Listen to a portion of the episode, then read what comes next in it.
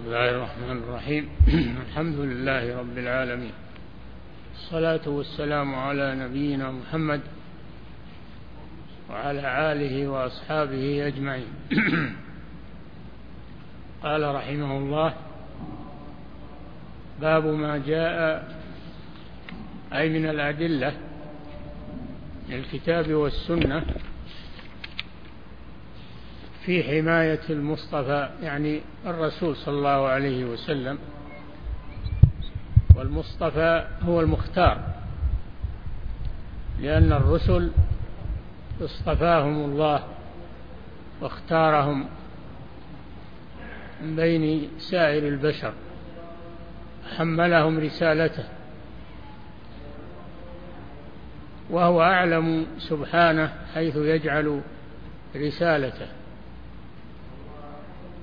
من جملة المصطفين وأفضل المصطفين نبينا محمد صلى الله عليه وسلم. حمايته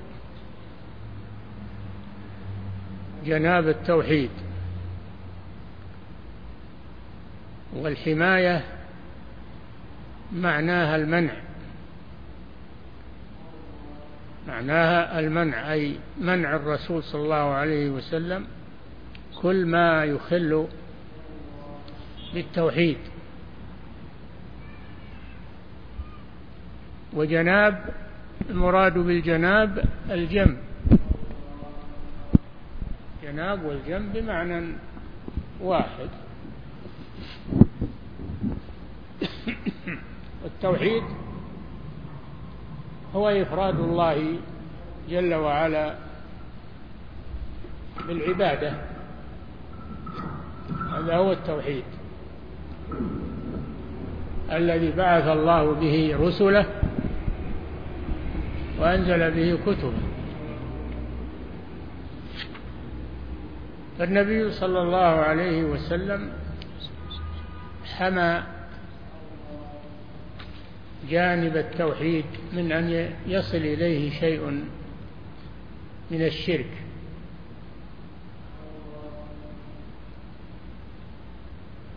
وذلك بسد كل الطرق كل الطرق المفضية إلى الشرك وهي الوسائل التي تنتهي إلى الشرك. كلها سدها النبي صلى الله عليه وسلم. وهذه قاعدة سد الذرائع التي دل عليها الكتاب والسنة وإجماع الأمة. سد الذرائع. وهي قاعدة عظيمة. الكتاب والسنة كلام أهل العلم. وألفوا فيها مؤلفات. ولكن الآن العلمانيون وأتباع الغرب ينكرون هذه القاعدة قاعدة سد الذرائع. أشد شيء عليهم هي قاعدة سد الذرائع. لأنها تمنع ما يريدون من الوسائل التي يتوصلون بها إلى مقاصدهم. ولكنها قاعدة ثابتة رغم أنوفهم ولله الحمد. مهما حاولوا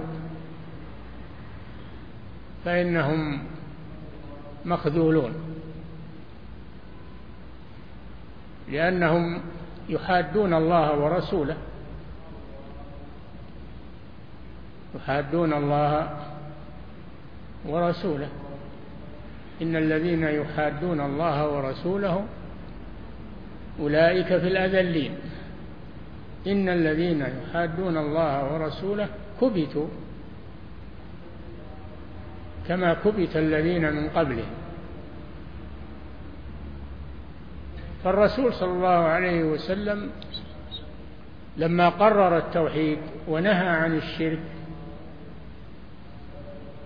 لم يكتفي بهذا بل إنه نهى عن الوسائل التي تفضي إلى الشرك. وإن كانت في أصلها مباحة لكن إذا كانت تفضي إلى الشرك أو الحرام فهي محرمة.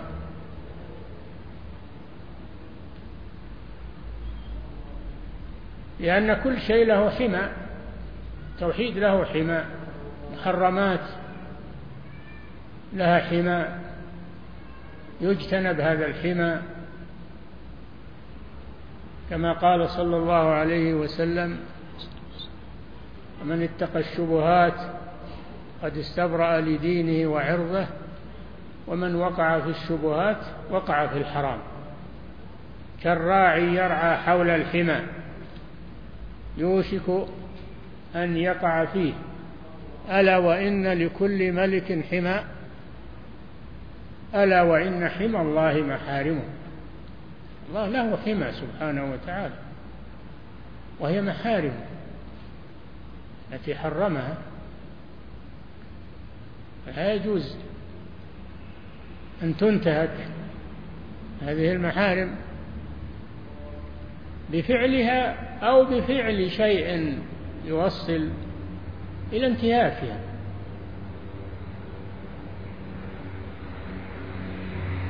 وهذا أيضا فيه قاعدة ترك المشتبهات والاحتياط. هي قاعدة عظيمة قاعدة الورع. قاعدة عظيمة. لما بين الشيخ رحمه الله في الأبواب السابقة من أول كتاب التوحيد إلى هذا بين التوحيد حقيقة التوحيد وبين الشرك وأنواع الشرك. ذكر في هذا الباب حماية حماية حماية التوحيد حماية التوحيد. حمايته من الوسائل التي تؤدي إلى انتهاكه. هذا المقصود من من هذا الباب وهو باب عظيم. فكما يجب على المسلم أن يتجنب الشرك فإنه أيضا يتجنب الوسائل التي تفضي إلى الشرك. لأن الوسيلة لها حكم الغاية كما يقول العلماء. فما أدى إلى الحرام هو حرام. ما أدى إلى الحرام فهو حرام. هذا هو مقصود هذا الباب وسيورد فيه من الأدلة ما يدل على هذا المقصد العظيم في هذا الباب. نعم. أحسن الله إليكم. قال رحمه الله تعالى وقول الله تعالى لقد جاءكم رسول من أنفسكم عزيز عليه ما عنتم حريص عليكم بالمؤمنين رؤوف رحيم. الله جل وعلا ذكر في هذه الآية أوصاف الرسول صلى الله عليه وسلم. فقال جل وعلا لقد جاءكم رسول من, من أنفسكم.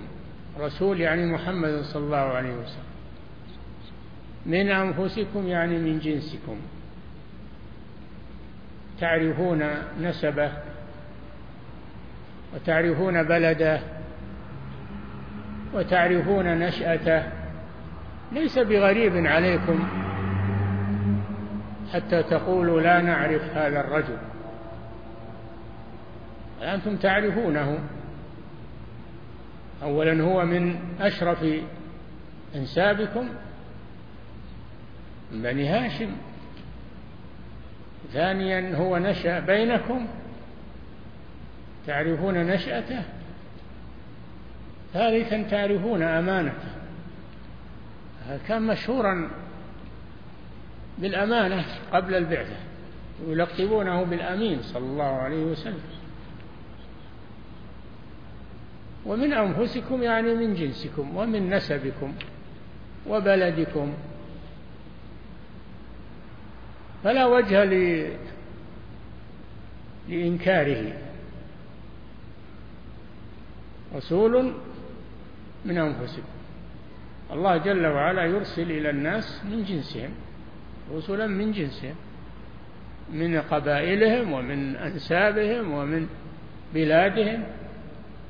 حتى لا يقولوا والله ما نعرف هذا الشخص. رسول من أنفسكم. هذه صفة. الصفة الثانية عزيز عليه ما عنتم عزيز يعني يشق عليه صلى الله عليه وسلم ما يشق عليكم. ولهذا يحب التيسير لأمته ولا يشق عليهم ويحب لهم الخير ويكره لهم الشر. ولهذا يكاد صلى الله عليه وسلم أن يهلك نفسه من شدة الحرص على هداية قومه. قال الله جل وعلا فلعلك باخع نفسك على آثارهم إن لم يؤمنوا بهذا الحديث. أسفا لعلك باخع نفسك ألا يكونوا مؤمنين. باخع يعني مهلك مهلك نفسك أسفا عليهم لعدم إيمانهم لأنك تريد لهم الخير تريد لهم النجاة. هذه صفته عليه الصلاة والسلام. فما يشق على أمته فإنه يشق عليه ولا يحبه لهم. يحب لهم التيسير رفع الحرج. ولا يحب لهم المشقة. أبدا. عزيز عليه ما عنت والعنت معناه التعب. أيضا من صفاته عليه الصلاة والسلام حريص حريص عليكم. حريص على هدايتكم. أو يعرض عليكم طرق النجاة ويكتفي بهذا ويقول بهواهم. لا يحرص غاية الحرص على أن تسلموا على أن تؤمنوا على أن تتقوا الله سبحانه وتعالى. يحرص غاية الحرص عليه الصلاة والسلام. حريص عليكم. الصفة الأخيرة بالمؤمنين رؤوف رحيم.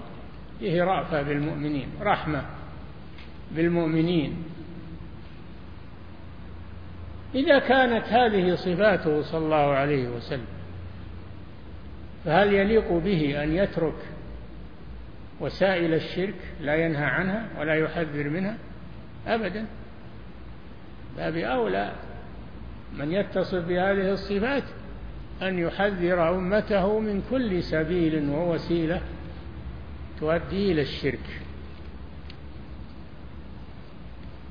وقد فعل صلى الله عليه وسلم كما يأتي في هذا الباب من الأدلة. نعم. أحسن الله إليكم. قال رحمه الله تعالى وعن أبي هريرة رضي الله عنه قال قال رسول الله صلى الله عليه وسلم لا تجعلوا بيوتكم قبورا ولا تجعلوا قبري عيدا وصلوا علي فإن صلاتكم تبلغني حيث كنتم رواه أبو داود بإسناد حسن ورواته ثقات.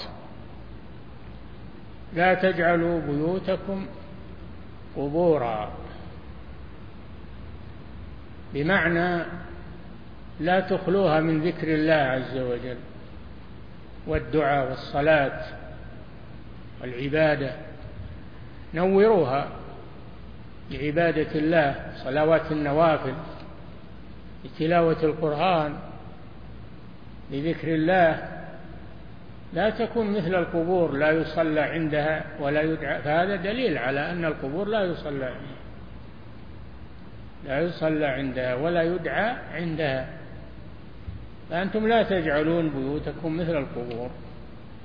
لا يصلى عندها ولا يدعى فيها ولا يقرأ فيها القرآن. هذا فيه النهي عن العبادة عند القبور. فالبيت الذي لا يذكر الله فيه مثل القبر. وأهله أموات مثل المقبور ولا حول ولا قوة إلا بالله. فهذا مما يؤكد على المسلم أن يحيي بيته بذكر الله صلاة الليل تلاوة القرآن ولا يترك بيته خاليا ميتا. صلى الله عليه وسلم مثل البيت الذي يذكر الله فيه والبيت الذي لا يذكر الله فيه مثل الحي والميت. فأحيوا بيوتكم بذكر الله عز وجل.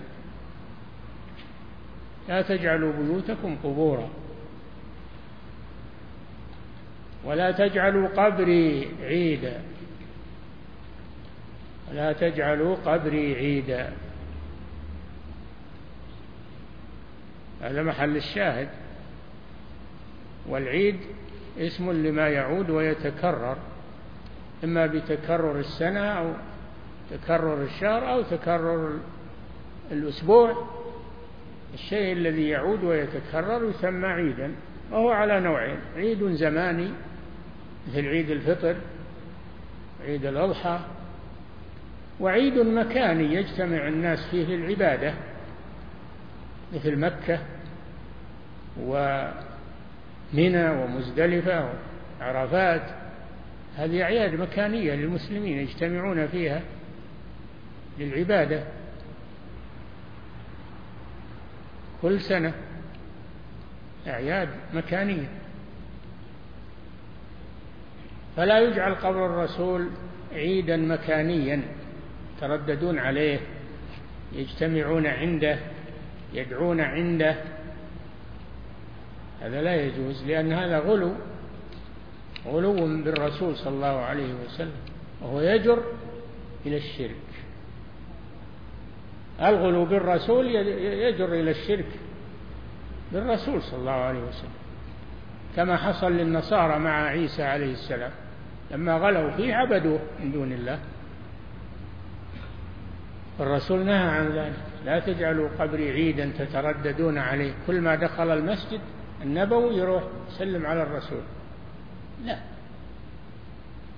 أو يروح يجلس عند القبر أو يقف عند القبر ويدعو. هذا من اتخاذه عيدا. لا يجوز هذا لأن هذا وسيلة إلى الشرك. هذا غلو بحق الرسول صلى الله عليه وسلم يؤدي إلى الشرك.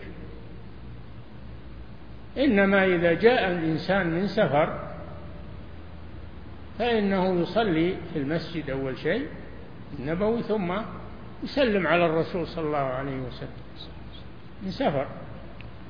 أما المقيم في المدينة فهذا لا يكرر السلام على الرسول لأن هذا من اتخاذه عيدا مكانيا أو الجلوس عند قبر الرسول أو الدعاء عند قبر الرسول. هذا من اتخاذه عيدا. إذا كان قبر الرسول صلى الله عليه وسلم لا يتخذ عيدا فكيف بغيره من القبور؟ قبور الأولياء والصالحين التي جعلت أوثانا تعبد من دون الله الآن. لا تجعلوا قبري عيدا. ثم قال صلوا علي. فإن صلاتكم تبلغني. صلوا علي. تقول اللهم صل وسلم على محمد. مثالا لقوله تعالى إن الله وملائكته يصلون على النبي. يا أيها الذين آمنوا صلوا عليه وسلموا تسليما. إذا أردت أن تصلي على الرسول وتسلم عليه تذهب إلى قبره؟ لا. صل وسلم عليه في أي مكان مشارق الأرض ومغاربها. صل وسلم عليه ما حاجة إلى تذهب إلى قبر. لأن الذهاب إلى قبره بقصد الصلاة عليه يجر إلى الغلو عبادته من دون الله واتخاذه عيدا. صلوا علي فإن صلاتكم تبلغني. وكل الله بها ملائكة يبلغون الرسول صلى الله عليه وسلم الصلاة عليه من أمته. يبلغونه الصلاة عليه من أمته. أينما كان المصلي من الأرض؟ حيث كنتم. من الأرض. لا حاجة إلى الذهاب إلى القبر لأجل الصلاة على الرسول.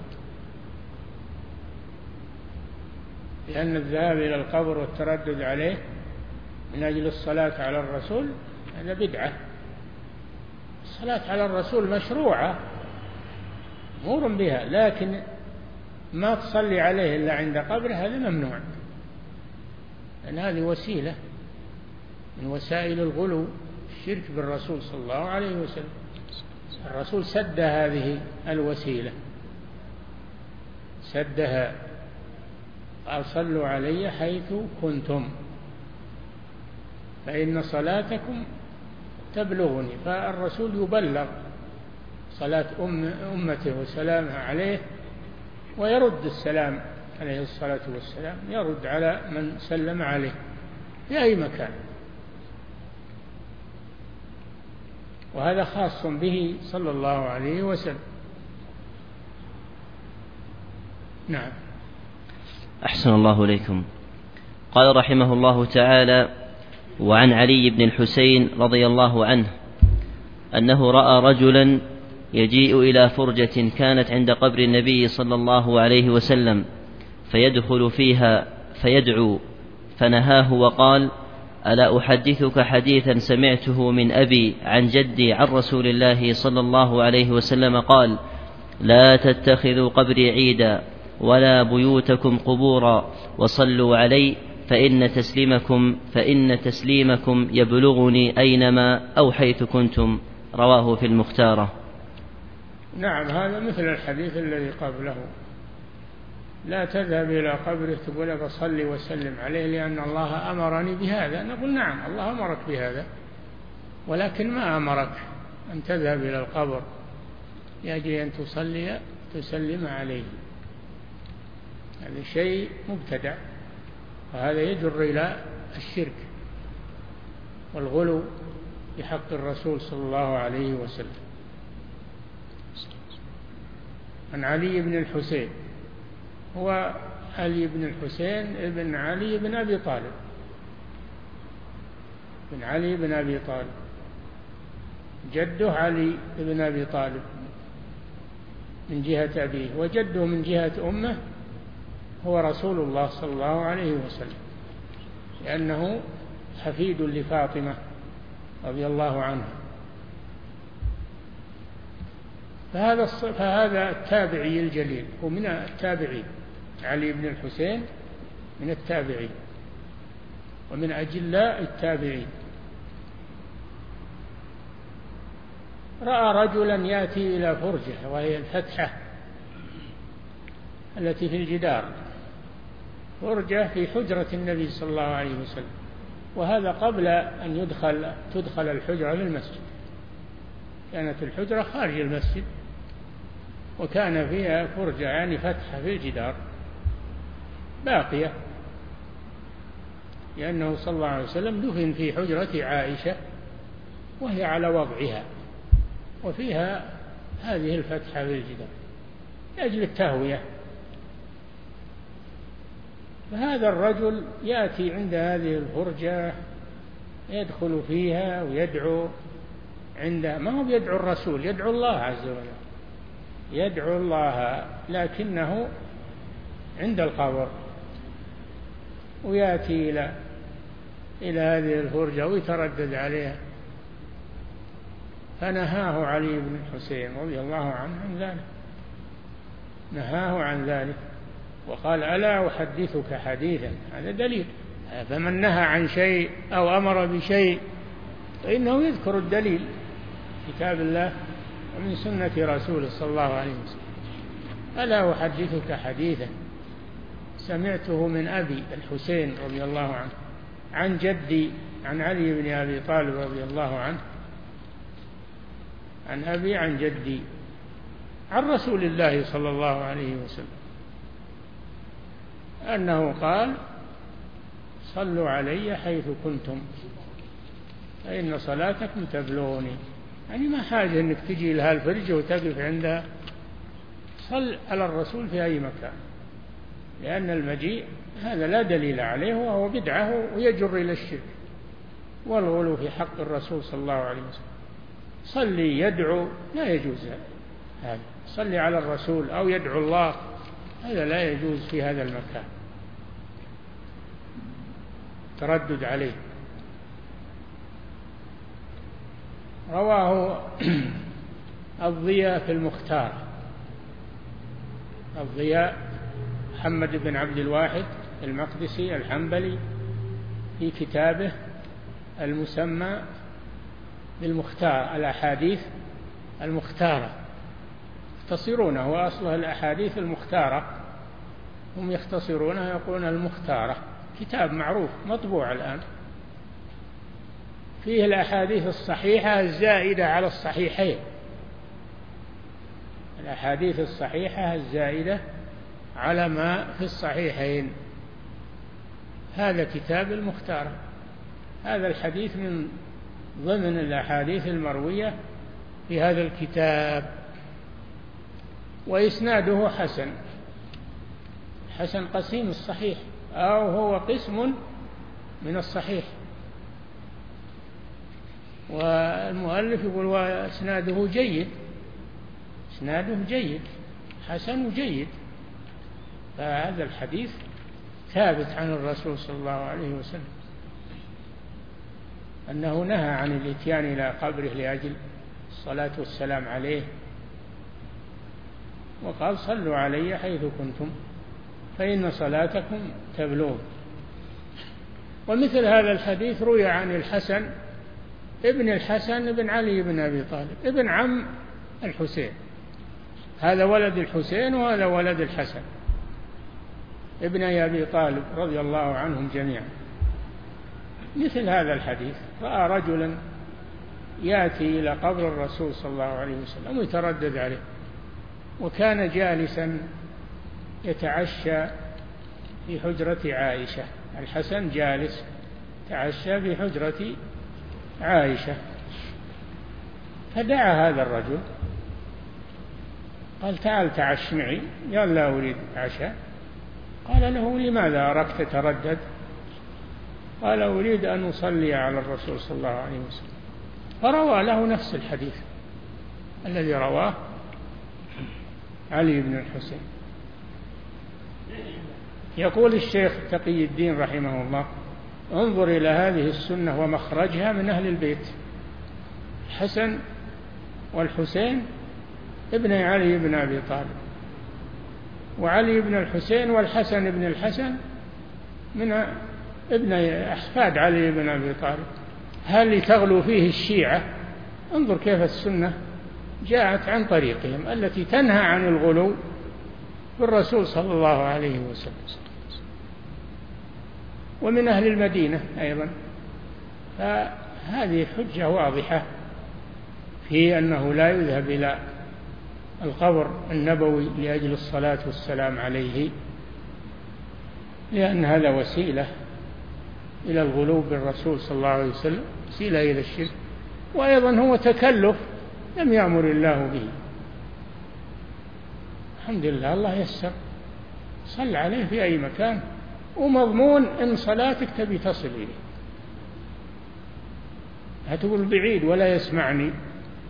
هو بعيد ولا يسمعك لكن الله وكل ملائكة يبلغونه صلاة أمته عليه الصلاة والسلام. فهذا فيه سد الطريق إلى الشرك. واضح. هذا من أدلة سد الطرق المفضية إلى الشرك وحماية الرسول صلى الله عليه وسلم لجناب التوحيد. نعم. أحسن الله إليكم. قال رحمه الله تعالى فيه مسائل. نعم. الأولى تفسير آية براءة. تفسير آية براءة. لقد جاءكم رسول من أنفسكم إلى آخر الآية في ختام سورة التوبة. نعم.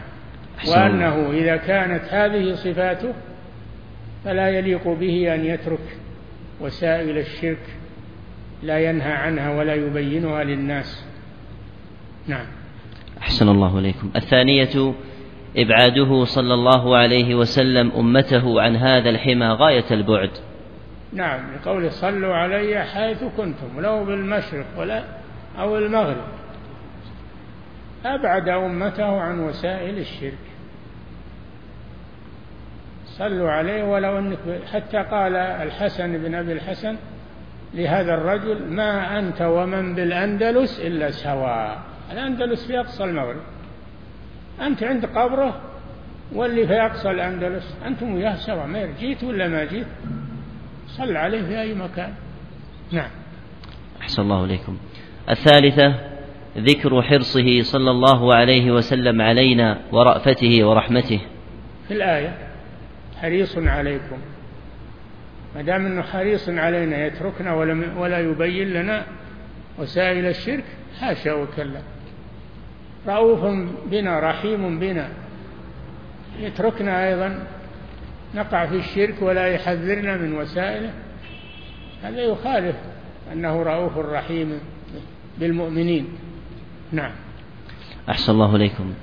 الرابعة نهيه صلى الله عليه وسلم عن زيارة قبره على وجه مخصوص مع أن زيارته من أفضل الأعمال. زيارة قبر الرسول صلى الله عليه وسلم مشروعة للسلام عليه. لمن جاء من سفر. لمن جاء من سفر سلم عليه وعلى صاحبيه ثم ينصرف.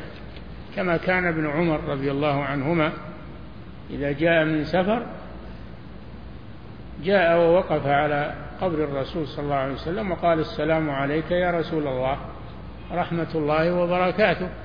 ثم يتأخر إلى جهة الشرق قليلا ثم يقول السلام عليك يا أبا بكر الصديق ورحمة الله وبركاته. ثم يتأخر قليلا نحو المشرق ثم يقول السلام عليك يا أبتي. يعني عمر بن الخطاب رحمة الله وبركاته ثم ينصرف ولا يقف يدعو كما يفعل الجهال. من أراد أن يدعو بعد السلام على الرسول يذهب في المسجد في مسجد الرسول يتوجه إلى القبلة ويدعو ولا يستقبل القبر. نعم. أحسن الله إليكم. الخامسة نهيه صلى الله عليه وسلم عن الإكثار من الزيارة. لا تجعلوا قبري عيدا ما معنى عيدا؟ يعني تكرار الزيارة. تكرار الزيارة لقبره صلى الله عليه وسلم. ولهذا ما كان الصحابة يزورون القبر كل ما دخلوا إلى الصلاة في المسجد النبوي. ما كانوا يذهبون إلى القبر يسلمون على الرسول. لعلمهم أن هذا لا يجوز. لعلمهم أن هذا لا يجوز. لذلك تجنبوه. نعم. أحسن الله إليكم. السادسة حثه صلى الله عليه وسلم على النافلة في البيت. لا تجعلوا بيوتكم قبورا يعني تخلونها من نوافل العبادات حتى تشبه القبور. فدل على أن القبور لا يجوز العبادة عندها. والبيت لا يجوز هجره من العبادة. حتى يكون بيتا منورا بعبادة الله وذكره مع الأسف الآن كثير من بيوت المسلمين مهجورة من ذكر الله خاوية ولا يكفي هذا. فيها معاصي وفيها أغاني ومزامير فيها شياطين فيها فضائيات هابطة. هذا بعض بيوت المسلمين مع الأسف. نعم. أحسن الله إليكم. السابعة أنه متقرر عندهم أنه لا يصلى في المقبرة. متقرر عند الصحابة أنه لا يصلى في المقبرة ولهذا قال لا تجعلوا بيوتكم قبورا لأنهم يعلمون أن القبور لا يصلى عندها لأن هذا من وسائل الشرك. كما سبق الصلاة عند القبر اتخذوا قبور أنبيائهم مساجد يعني يصلون عندها. نعم. أحسن الله إليكم. الثامنة تعليل ذلك بأن صلاة الرجل وسلامه عليه يبلغه وإن بعد فلا حاجة إلى ما يتوهمه من أراد القرب. نعم النبي صلى الله عليه وسلم وضح أنه لا مزية للصلاة والسلام عليه عند قبره. فلا حاجة إلى الذهاب إلى قبره وإنما صلي المسلم على الرسول ويسلم عليه بأي مكان. ويصله هذا. نعم. أحسن الله إليكم. التاسعة كونه صلى الله عليه وسلم في البرزخ تعرض أعمال أمته في الصلاة والسلام عليه. كونه صلى الله عليه وسلم في البرزخ يعني في القبر تعرض عليه أعمال أمته ومنها الصلاة والسلام عليه. وهذا من خصائصه صلى الله عليه وسلم. نعم. أحسن الله إليكم. باب ما جاء يكفي. ونقف على هذا في هذه الدورة. إلى الدورة القادمة بإذن الله. نعم.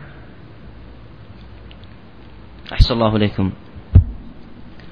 يقول السائل رجل ذهب رجل ذهب إلى زيارة قبر النبي صلى الله عليه وسلم وهذه نيته فقط. رجل ذهب إلى زيارة قبر النبي صلى الله عليه وسلم وهذه نيته. هل يجوز يعني؟ زيارة قبر النبي صلى الله عليه وسلم مستحبة ولكن لا يسافر من أجلها. ما يسافر يقول بروح أسلم على الرسول أبزور الرسول. هذا لا يجوز. إنما إذا كان من أهل المدينة إذا إذا قدم على المدينة من سفر سواء كان من أهل المدينة أو غيرهم من قدم من سفر استحبوا له أن يصلي في مسجد الرسول ثم يسلم على على الرسول صلى الله عليه وسلم بعد الصلاة. هذا المشروع. نعم. أحسن الله إليكم. ما معنى قول المصنف رحمه الله في المسائل مع أن زيارته من أفضل الأعمال؟ زيارة قبر الرسول صلى الله عليه وسلم على الوجه المشروع من أفضل الأعمال ما في شك. لأن قبره هو أفضل القبور على وجه الأرض. زيارته للسلام عليه من أفضل الأعمال. نعم. أحسن الله إليكم. لكن من غير تكرار. نعم. أحسن الله إليكم. يقول السائل بعض الناس يقول إن الرسول صلى الله عليه وسلم يسمع وهو في قبره. والدليل هو قوله صلى الله عليه وسلم صلوا علي فإن صلاتكم تبلغني حيث كنتم. هل يصح قوله؟ سبحان الله. هذا عميان هل يقول الكلام. ما يسمع. قول الرسول تبلغني. ما قال أسمعها. قال فإن صلاتكم تبلغني. ولم يقل أسمعها. وقد جاء في الحديث أن الله وكل ملائكة يبلغونه سلام أمته. نعم. أحسن الله إليكم. هل من السنة عند زيارة المسجد النبوي أن أقوم بزيارة قبر الرسول عند كل زيارة؟ نعم. هل من السنة عند زيارة المسجد النبوي أن أقوم بزيارة قبر الرسول عند كل زيارة؟ هذا سمعتم الكلام فيه. من كان مقيما في المدينة من أهلها أو قادما إليها مقيم فلا ولا يزور كل ولا يكرر زيارته. إنما إذا قدم من سفر أول شيء يبدأ به الصلاة في مسجد الرسول ثم يسلم عليه. نعم. أحسن الله إليكم. يقول السائل هل الصلاة والسلام على رسول الله صلى الله عليه وسلم في الروضة لها ميزة؟ هل الصلاة على الرسول في الروضة لها ميزة عن الأماكن الأخرى؟ لا ما لها ميزة. صل عليه في أي مكان في الروضة أو غيرها. إنما صلاة النافلة في الروضة صلاة النافلة في الروضة وهي ما بين بيت الرسول ومنبره. هذه لها فضيلة على بقية المسجد. نعم. أحسن الله إليكم. يقول السائل يورد بعضهم شبهة فيقول كيف تنهون عن الصلاة في المسجد الذي فيه قبر وهذا مسجد النبي صلى الله عليه وسلم يوجد فيه قبر؟ فكيف نرد على هذه الشبهة؟ إحنا اللي نهينا عن الصلاة عن المسجد اللي فيه قبر اللي نهى عنه الرسول صلى الله عليه وسلم. نهى عن اتخاذ القبور مساجد. نهى أن تبنى عليها مساجد. هو الرسول هو اللي نهى عن هذا. نحن نبلغ قول الرسول صلى الله عليه وسلم. وأما أن قبر الرسول الآن في المسجد هذا هذا كذب ليس في المسجد. قبر الرسول في حجرة عائشة ولم تكن في المسجد ومضى عليها وقت طويل وهي خارج المسجد إنما أدخلت بعد مضي الصحابة والتابعين. أدخلها الوليد بن عبد الملك عفى الله عنه. ولم يكن هذا برضا العلماء ولا مشورتهم أما هذا فعل سلطاني. غلب على أمره. الله يعفو عنا وعنه. فليس فيه حجة. فعل الوليد ليس فيه حجة. نعم. أحسن الله إليكم. يقول السائل هل النبي صلى الله عليه وسلم تعرض عليه أعمال أمته؟ منها هذا أن أن الصلاة الصلاة على الرسول من أعمالها من أعمال الأمة تعرض عليه صلى الله عليه وسلم. ورد أن تعرض عليه أعمال أمته نعم. أحسن الله إليكم. يقول السائل ما نصيحتكم لمن يقول إن التوحيد يفرق الأمة؟ ويقول نجمع أولا ثم نعلم الناس. هذا من عمل بصيرة التوحيد هو اللي يجمع الأمة يا أخي. ما اجتمعت الأمة إلا تحت لا إله إلا الله. وقبل مجيء الرسول والدعوة إلى لا إله إلا الله وهم متفرقون يتقاتلون ويتناحرون. وكنتم أعداء فألف بين قلوبكم. أصبحتم بنعمته إخوانا. فالذي يجمع الأمة هو التوحيد. عبادة الله وحده لا شريك له. والشرك والبدع تفرق الأمة. والمذاهب الباطلة والمناهج المناهج الدعوية اللي يسمونها هي اللي فرقت الأمة. سبيل الأمة واحد ومنهجها واحد. اللي فرق الأمة هو الشرك ووسائل الشرك والمناهج المبتدعة المحدثة. كل يجعل له منهج. يقول منهج الدعوة. منهج الدعوة هو منهج الرسول صلى الله عليه وسلم. ما هو اللي تحدثه أنت ولا رئيسك ولا متبوعك. نعم. أحسن الله إليكم. ما رأي فضيلتكم في من يزهد الناس في تعلم التوحيد؟ ويقول التوحيد يفهمه الأطفال في المدارس ولا يحتاج ولا يحتاج إلى عقد الدروس من أجله. هذا اسأله هو قل له ما معنى التوحيد؟ وسوف لا تجد عنده جوابا. قل له فسر لي التوحيد. ما فسر لي الشرك وش معناه؟ ما يد ما تجد عنده جواب. هو اللي يقول هالكلام هذا.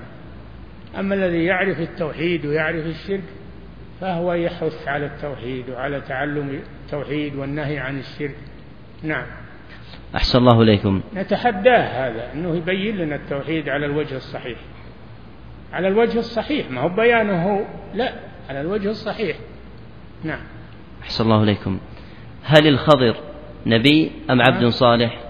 الخضر اختلفوا فيها الراجح أنه عبد صالح. ما الله ما ذكر أنه نبي. عبدا من عبادنا آتيناه رحمة من عندنا وعلمناه من لدنا علما ولم يقل إنه نبي. حجة من قال إنه نبي يقول إن عنده معجزات هي التي فعلها مع موسى من من خرقه للسفينة وقتله للطفل. وبنائه للجدار الذي في القرية التي لم يضيفوه. نقول هذه معجزة نقول لا هذه كرامات وليست معجزات. هذه كرامات الأولياء. نعم. أحسن الله إليكم. يقول السائل بعض أهل العلم يقول إن عيد المولد واليوم الوطني وأسبوع الشجرة وأسبوع المساجد وأسبوع المرور كل هذه جائزة لأنها من عادات الناس. جائزة عنده هو. أما عندنا فليست جائزة لأنها تدخل في الأعياد. العيد هو ما يتكرر كل سنة وكل أسبوع وكل شهر. هو ما يعرف العيد. هل يقول الكلام ذا؟ ما يعرف العيد وش معناه. هذا من جهله. نعم. أحسن الله إليكم. يقول السائل ما نصيحتكم لأهل ليبيا في, في الأوضاع الصعبة؟ والله ما لنا دخل فيهم. نسأل الله لهم السلامة والنجاة مما هم فيه أما أن ندخل في مشكلتهم ما لنا فيها دخل. نعم. إلا أننا ندعو لهم. ندعو لهم أن يخرجهم الله من هذه الفتنة. نعم. أحسن الله لكم. يقول السائل هل هناك مجاز في القرآن؟ يا أخي أنت حين ما تفهم القرآن الحقيقة اللي فيه ما تفهمها فكيف تسأل عن المجاز؟ هذه فتنة الأسئلة ذي اتركوها. نعم. أحسن الله إليكم. يقول السائل هل يجوز أن أصلي على النبي صلى الله عليه وسلم وأنا في موضع السجود؟ ما في مانع. صلي عليه من جملة الدعاء. نعم. أحسن الله إليكم.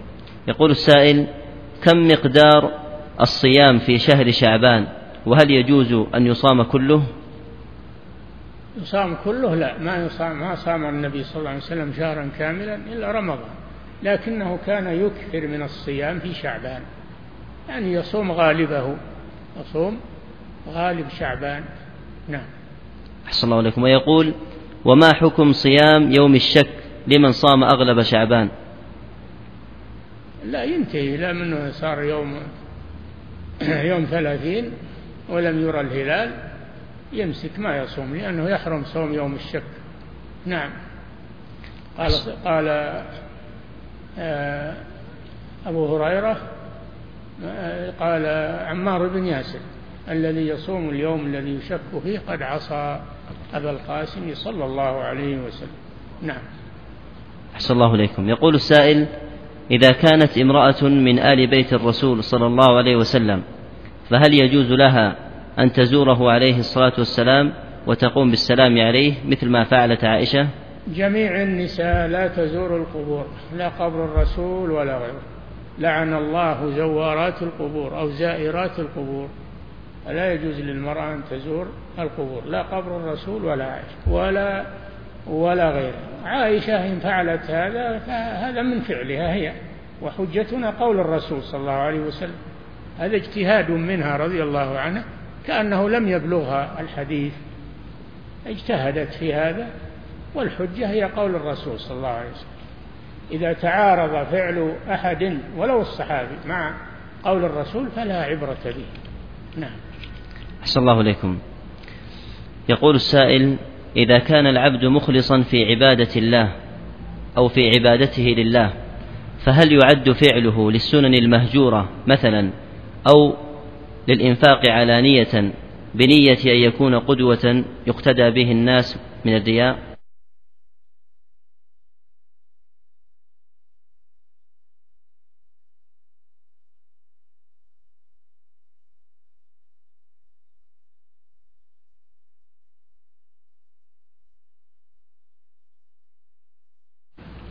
أحسن الله إليكم يقول السائل هناك مريض نفسي.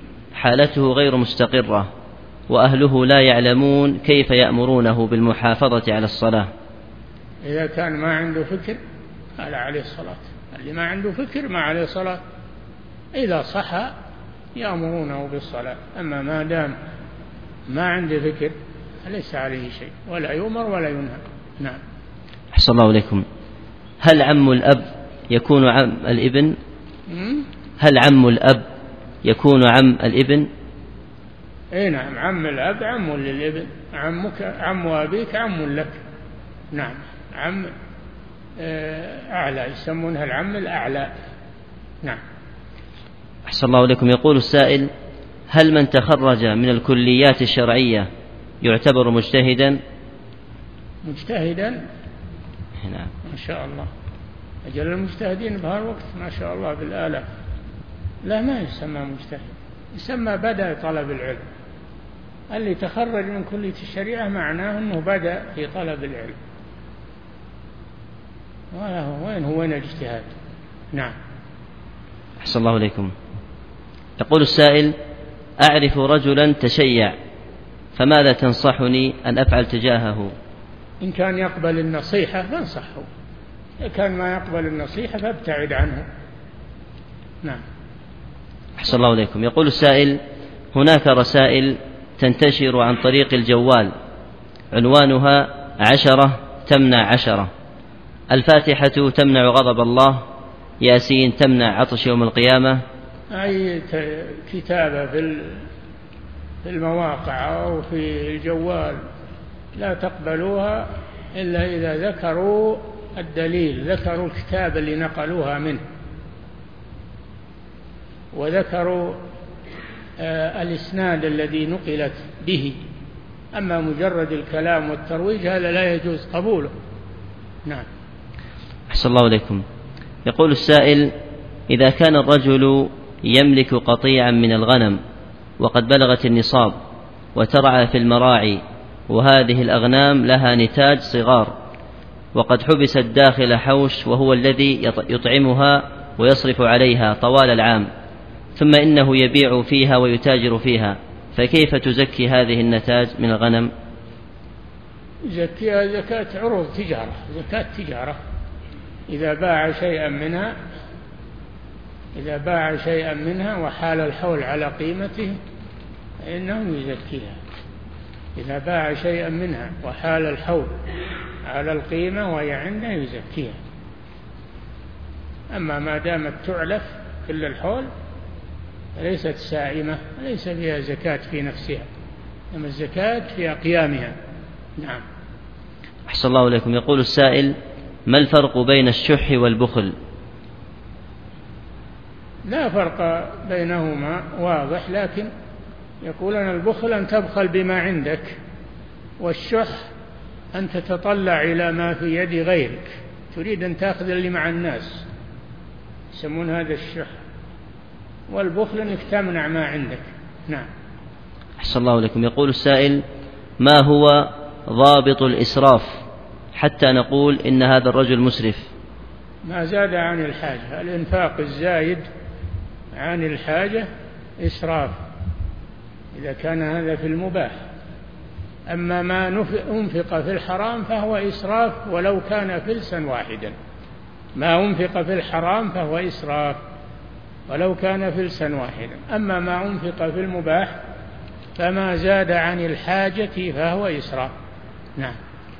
أحسن الله إليكم. يقول السائل هل صح عن الإمام أحمد أنه رأى ربه في المنام؟ نعم. الله جل وعلا يرى في المنام. إنما لا يرى في اليقظة إلا في الآخرة. الجنة نعم. يراه أهل الجنة في الآخرة. أما في الدنيا فلا أحد يرى الله رؤية عين أبدا. نعم. أحسن الله إليكم. يقول السائل حديث حق المسلم على المسلم خمس. هل تدخل المرأة في هذا الحديث؟ نعم. حديث حق المسلم على المسلم خمس. أو ست. أو ست في ثانية. تدخل فيها ما هي مسلمة؟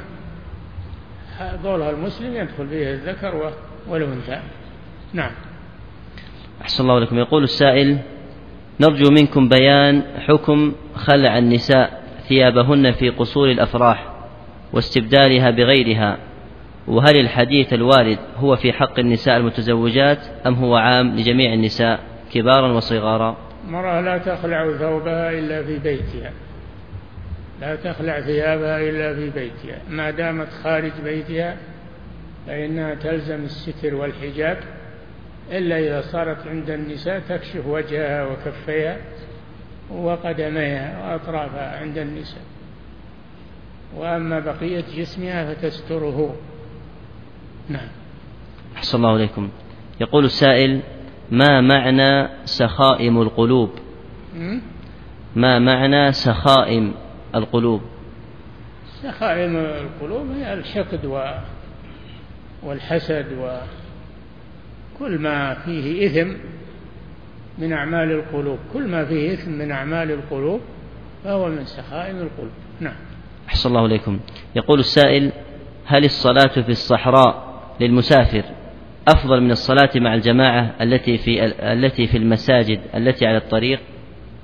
من سمع النداء فإنه يجب عليه أن يجيب ويصلي مع الجماعة في المسجد. أيا كان هذا المسجد.